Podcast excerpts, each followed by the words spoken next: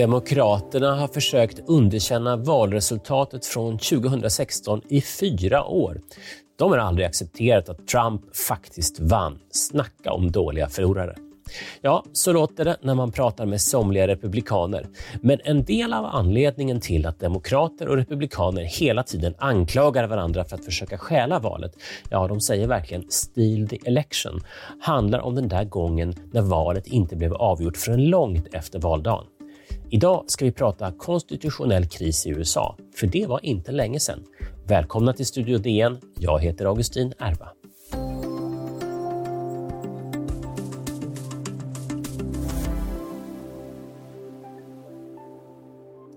Och nu ska vi till ett av de mest kaotiska ögonblicken i amerikansk demokrati. Och jag pratar inte om det som händer idag, utan jag pratar om vad som hände för 20 år sedan. Och till min hjälp har jag DNs Ingmar Neveus som skrev en jättefin text om detta i tidningen häromdagen. Välkommen till Studio DN. Ska vi börja med att gå igenom huvudpersonerna i det här dramat. Ehm, Bush och Gore, vilka var det? Eh, ja, Al Gore var den sittande vicepresidenten då år 2000, alltså han hade suttit under president Bill Clinton sedan början av 1993, alltså två perioder. Eh, George Bush, eller George W. Bush, var just då guvernör i delstaten Texas. Han var också son till en tidigare president som också hette George Bush, George H.W. Bush som satt åren 1988 till 92. Just det. Båda de här var i drygt 50 år gamla och man visste redan inför valet att det skulle bli väldigt jämnt. Mm. Det man kan säga mer kanske är någonting om Bush, eh, George Bushs eh, pappa. Han var, väl en, han var ju en president som bara satt en, eh, en omgång, eller hur? Eh, ja, det stämmer. Det är ju ganska ovanligt faktiskt att man inte blir återvald. Eh, han blev inte det utan förlorade då valet eh, 92 mot den unge Bill Clinton. Och så att på det sättet ses han väl som en ganska misslyckad president. På andra sätt har han ja, fått förnyad respekt på senare år. Han dog ju för inte så länge sedan. Mm. Och Det var alltså hans son eh, som ställde upp i valet mot Al Gore. Och Al Gore hade ju haft en, en eh, ganska eh, svår tid som vicepresident, får man ändå säga, under Bill Clinton. Eh, ska vi säga något om, eh, om eh, vem Al Gore var, vilken sorts person det var, eller är? Han var från sydstaterna, från Tennessee. Han var tidigare senator ehm, och jämnår, ganska jämnårig med eh, president Bill Clinton. Eh, Clintons tid och eftermäle präglades ju väldigt mycket av den här sexskandalen, alltså Monica Lewinsky-skandalen och eh, Gore då som tvingades ju på grund av detta att liksom föra kampanj utan att ta hjälp av Clinton. Vilket annars är vanligt. Till exempel tar ju, har ju Joe, eh, Biden tagit hjälp av Barack Obama i, i år i, i kampanjen. Det kunde liksom inte Al Gore göra trots att Bill Clinton var populär i stora, eh, bland en stor del av befolkningen. Man ville liksom inte svärtas ner av den här skandalen. Nej, ska vi också bara nämna någonting, jag är tvungen att göra det, om Al Gores fru Tipper Gore. Um, och um, de flesta av er kanske inte känner till det, men ni vet den här, ah, det här man läser Eh, på um, rapskivor och på ehm, att, att det kan finnas lyrik eller texter som inte är lämpliga. Det här var eh, Tipper Gore, alltså Al Gores frus stora. Det är så vi minns henne. Eh, för att hon var en av dem som menade på att om man spelade vissa rockskivor baklänges så kom det ett budskap från Satan och sådana saker. Så att eh, Bill Clinton var inte så, till så stor hjälp för Al Gore och man får nog, får nog ändå säga att Tipper Gore, hans fru, var väl heller kanske inte riktigt det Al Gore behövde. Hur som helst, det var fruktansvärt jämnt, visste vi redan innan valet då för 20 år sedan. Och vad hände? Ja, alltså det som hände var ju att på valdagens kväll så insåg alla, inte minst på de stora tv-kanalerna då, att det var en delstat som skulle avgöra och det var Florida. Eh, och då så sitter ju olika experter där och ger råd till sina nyhetsankare. När ska vi call Florida? Alltså när ska vi utropa en segrare i Florida som då också kommer bli segraren i valet? Och det unika skedde att eh, nästan alla de stora kanalerna fick backa. Alltså först så sa man att det var Gore som hade vunnit. En stund senare fick man backa bland annat på, att, på grund av att man inte tagit hänsyn till att det finns två tidszoner i Florida och att en av zonerna höll fortfarande på att räkna röster. eller Vallokalerna var öppna fortfarande. Inte mindre än tre gånger fick man liksom ändra sitt beslut då att kora en segrare. Så att det var först Gore, sen var det Bush, eh, sen var det eh, lika och, och sen var det eh, Bush igen. Ja, alltså ni som hörde mig eh, läsa in en ursäkt här för att vi hade gjort eh, rättelse när vi hade gjort fel här, här om veckan. Eh, ni förstår ju precis hur pinsamt detta måste ha varit för kanske eh, det årets största nyhetshändelse. Ska vi lyssna på en generad amerikansk nyhetsjournalist som, som försöker förklara vad som har hänt? All of us at the networks made a mistake and projected Florida in the Al Gore account. Ja, det var ju tragiskt därför för de här stackars nyhetsankarna som kom med fel signaler till alla. Eh, ska vi eh, bara, eh, innan vi gör ett litet avbrott här, så vill jag bara höra, ehm, vad var det som var problemet med röstsedlarna? Alltså röstsedlarna såg olika ut, till och med inom Florida, i olika counties. Eh, och det såg är det fortfarande på många håll i USA, men det var särskilt en valsedel som kallas the Butterfly Ballot som var i Palm Beach, ett county i södra Florida. Eh, om man tittar på den här, vi har publicerat bilder på den också, så är det väldigt tydligt att man kan förledas om man är en Gore-väljare att trycka ett hål, för det skulle man göra, i ett, på en markering som inte alls går till Gore, om man tittar noga, utan det går till Pat Buchanan som var en ärkekonservativ tredje partikandidat som ingen gårväljare någonsin skulle kunna tänka sig att rösta på. Men på grund av det här så gick flera tusen röster troligen då felaktigt, eh, om inte för, för Gore. Mm. Vi ska strax prata mer om den kris som utbröt när det inte fanns något valresultat eh, och hur det gick till när Högsta domstolen fick fatta det slutgiltiga beslutet. Mer om det alldeles strax.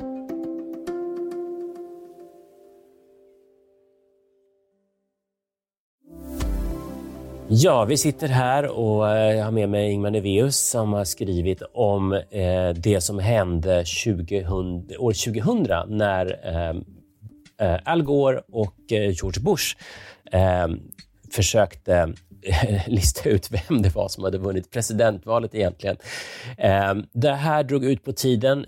Före pausen så pratade vi om att det var svårt med röstsedlarna och maskinerna. Det var svårt att räkna dem.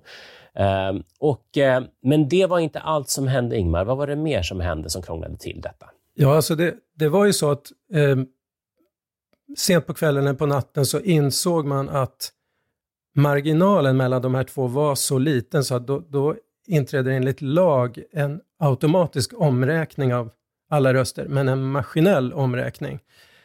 Det var bara en sak och det var just då, då tvingades alla att stanna upp och säga att valet är inte avgjort än. Men sen var det ytterligare problem för att på väldigt många håll så hade man sådana här hålvalsedlar. Alltså där man, en särskild maskin, man trycker ett hål för den kandidat man röstar på. Och då visade det sig att eh, en enorm mängd valsedlar så hade de där hålen, de var kanske inte riktigt genomperforerade valsedlar, utan det hängde små bitar av papper. Eh, och, och då uppstod frågan, ska man räkna de här där det hänger kvar en liten papperslapp i hålet eller ska man inte det? Allt det här gjorde att de horder av advokater som skickades till Florida då från både Republikanernas och Demokraternas sida hade fullt upp att liksom eh, skicka stämningsansökningar till olika counties och be dem antingen sluta räkna röster, vilket Bush-lägret tyckte, eller fortsätta räkna och eh, räkna, med, räkna så många röster som det bara gick, vilket Gore-lägret då pläderade för. Så att det hamnade i inte bara en domstol, utan massor med domstolar över hela Florida och även i Floridas egen högsta domstol. Och, och vad hände där då? Ja, de, de fattade en rad beslut som, eh, om man förenklar lite, eh, gynnade väl Gore-lägret för att de i de flesta av besluten så sa de att okej, okay, fortsätt räkna. Alltså de tog en mer, mindre strikt och mer liberal linje. Utan fortsätt räkna alla röster. Gårlägret hade också fokuserat på fyra stycken counties, valdistrikt med stor befolkning. Istället för att kräva att allt skulle räknas om för hand. Men det som hände var att, eh, så att säga, om Floridas högsta domstols beslut hade gällt så hade, trodde många, Gore vunnit för att det försprång Bush hade, bara på något tusental röster, det krympte hela tiden ju fler röster man räknade. Eh, och det uppstod också en konflikt mellan den här domstolen i Florida och eh, det som kallas Secretary of State i Florida, som var en republikansk eh, vald tjänsteman eh, som hette Catherine Harris. Och hon ville då stoppa räkningen så fort det gick. Och förklarade till och med den 26 november att nej men nu är det över, nu, nu, eh, eh, nu är det stopp för räkningen. Och just då ledde Bush med 537 röster det här, det här är, jag tycker att det här är väldigt roligt att prata om, därför att vi pratar ju nu för tiden om att det är så polariserat och sidorna förstår inte varandra och, det, och så vidare. Men när, man, när vi påminns om hur det var här för 20 år sedan, då, då inser vi att det var ett tjuv och rackarspel även på den tiden. Eh, att valet inte eh, är över bara för att man lagt sin röst. Eh, Ska vi, ska vi ta det till, eh, vad var Brooks Brothers Riot för någonting? Ja, det var en händelse då i november eh, 2000 det pågick omräkning av rösterna då i ett county som heter Miami-Dade, som är alltså i storstaden Miami, Florida, med en befolkning på över 2,5 miljon i, i det här countyt. Där satt ett antal tjänstemän i ett kontorshus och räknade röster, räknade om röster. Och Bushs segermarginal krympte.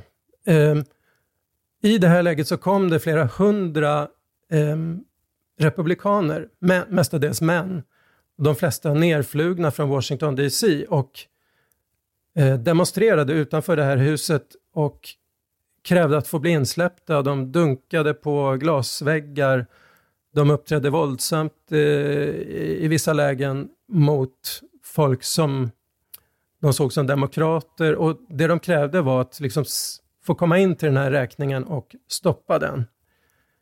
Eh, man kan säga att de lyckades för att i efterhand, bara någon dag senare, då fattade en, en valnämnd då, eh, på tre personer beslutat att faktiskt avsluta omräkningen.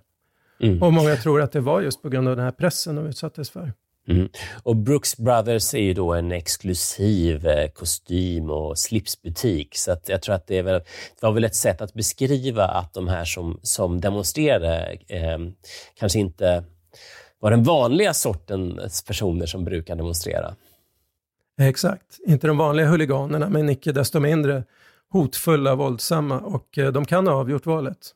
Mm. Och eh, Sen kom det här hela vägen till Högsta domstolen. Och vad hände där? Ja, Högsta domstolen då, den 12 december, alltså mer än en månad efter valet, eh, beslutade i ett väldigt tajt eh, beslut om röstsiffrorna 5 mot 4 i princip att det beslut som Högsta domstolen i Florida tidigare fattat inte gällde. Och de hade ju då sagt att räkningen eh, skulle fortsätta. Så i praktiken, eh, när Högsta domstolen sa att det inte var så, då var det ju kört för Al Gore och dagen efter den 13 december så förklarade han sig besegrad. Och eh, vilka eh, domare röstade hur i Högsta domstolen? Ja, det var helt eh, enligt politiska linjer. Alltså de domare som hade blivit utsedda av republikanska presidenter röstade med majoriteten, de, de fem. Och de fyra som röstade nej, de hade blivit utsedda av demokratiska presidenter. Så att eh, det upplevdes som väldigt politiserat, det här beslutet förstås. Och hur ser domstolen på det här i efterhand? Alltså det är väldigt få som någonsin, alltså domare i Högsta domstolen brukar ju ofta hänvisa till tidigare HD-beslut. Men det här har nästan aldrig eh, tagits upp i några andra domar. Utom faktiskt av eh, Brett Kavanaugh, den konservativa domare, en av de tre som, som eh, president Trump har utsett i, i ett fall. Mm. Politiskt, eh, politiskt färgad anklagades domstolen för att vara och man ska väl också säga att, att den som fällde utslagsrösten där i, eh, i eh, Högsta domstolen i efterhand också har sagt att eh, kanske borde de ha skjutit det här fallet ifrån sig. Det stämmer, det var Sandra Day O'Connor. Um, en gång, hon var den första kvinnan i Högsta domstolen. Hon sa många år senare när hon hade pensionerat sig att eh, vi, kanske, vi kanske borde ha sagt tack och adjö, det här får skötas på en lägre nivå. Um, vilket ju var ganska anmärkningsvärt. För att man beslutar, man ska vara fyra domare för att besluta sig för att överhuvudtaget ta upp ett fall. Um, och hade de gjort som hon då i efterhand hade velat, då hade historien sett annorlunda ut. Mm. Eh, ja, och eh, och nu vet ni varför det före valet har varit en sån stor diskussion om att demokrater eller republikaner kanske ska försöka stjäla valet. Tack så hemskt mycket Ingmar Neveus. Eh, Studio DN görs för Podplay. Producent är Sabina Marmelakai. Ljudtekniker Patrik Misenberg. Teknik Jonas Lindskog, Bauer Media. Exekutiv producent och idag också programledare är jag, Augustin Erba. Vi hörs inom kort, för då kommer vi ut med en extra podd. Eh, för då tror vi att vi vet lite mer om hur valet har gått.